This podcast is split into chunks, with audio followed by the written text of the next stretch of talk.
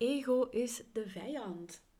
Ik ben dit boek aan het lezen van Ryan Holiday en daar wil ik het graag met jou over hebben vandaag in deze aflevering. Welkom bij de Straffe Ouders na de Scheiding podcast. Ik ben Anne, ik ben systemisch counselor en ik help ouders om in een complexe scheiding hun kinderen erdoor te gidsen, opdat de kinderen niet de dupe hoeven te zijn van die complexe situatie. En ouders onderschatten vaak uh, hun potentieel, wat dat er allemaal mogelijk is. Dus ik doe dat werk heel erg graag.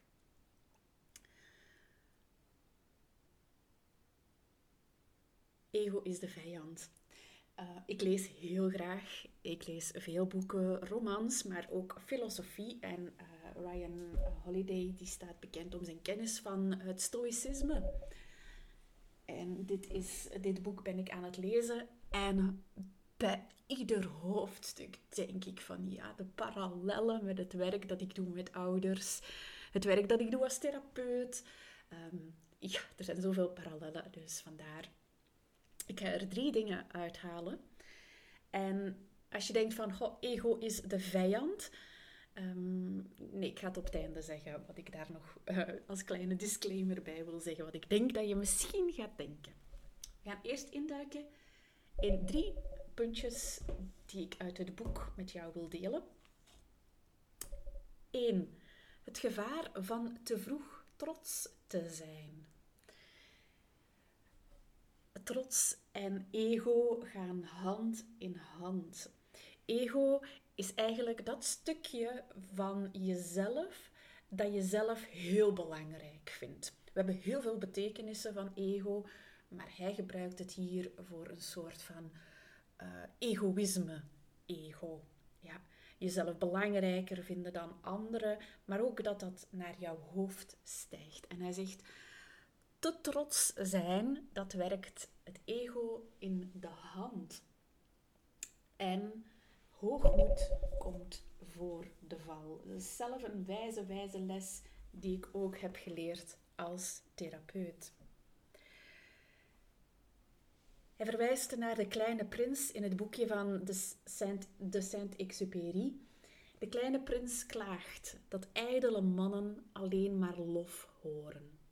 En dat wil zeggen dat ijdele mensen alleen maar goede dingen over zichzelf kunnen horen en moeilijk feedback in ontvangst kunnen nemen.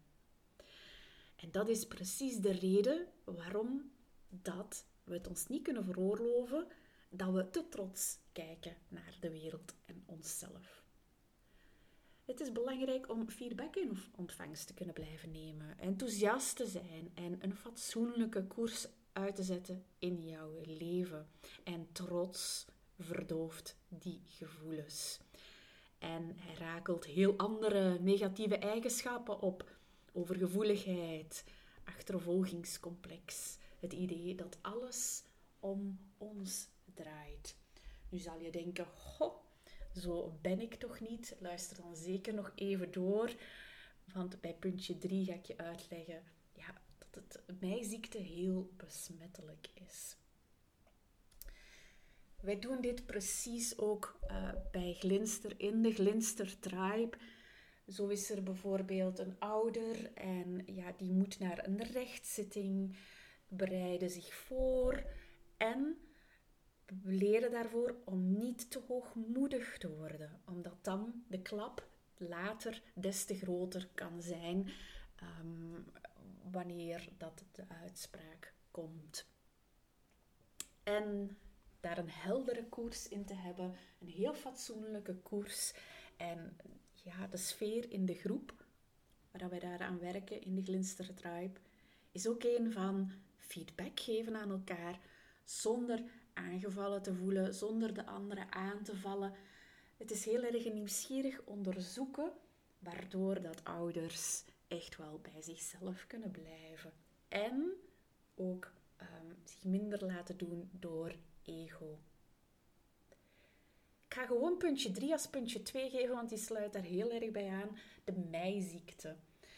Ryan Halliday zegt, pas op voor de meiziekte. Die is heel besmettelijk. En daarmee bedoelt hij mij, mij, mij. Ik, ik, ik. ik, ik, ik en de rest kan stikken. Dat zeiden wij vroeger ehm, als kind. Narcisme, egoïsme, het viert hoogtij in onze samenleving. In bepaalde contexten is het gewoon de norm van uh, de meiziekte te hebben. En het probleem is als je in die contexten komt, dat het jou waarschijnlijk gaat besmetten. Dus dat jij ook die meiziekte krijgt als een soort van ja, virus eigenlijk.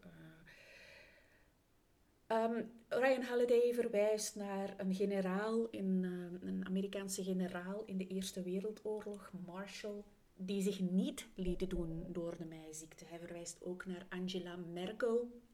In zijn boek gaat het vooral over leiders, politieke leiders.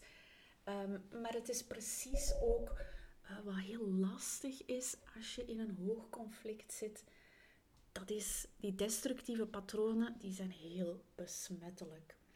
Zeker ook als je in een rechtbankcontext komt of in een sociaal onderzoek, dan kan die meiziekte heel erg jou ook gaan besmetten. En dan verlies je jezelf. Je herkent jezelf op bepaalde momenten niet meer. Derde punt, het hoofdstuk jezelf aansturen, vond ik ook een heel goede. Hij zegt, ja, wees bereid om te kijken naar wat jij kan doen. En beste ouder, als je dit beluistert en je denkt van waarom moet ik het werk doen? Waarom moet de ander niet het werk doen?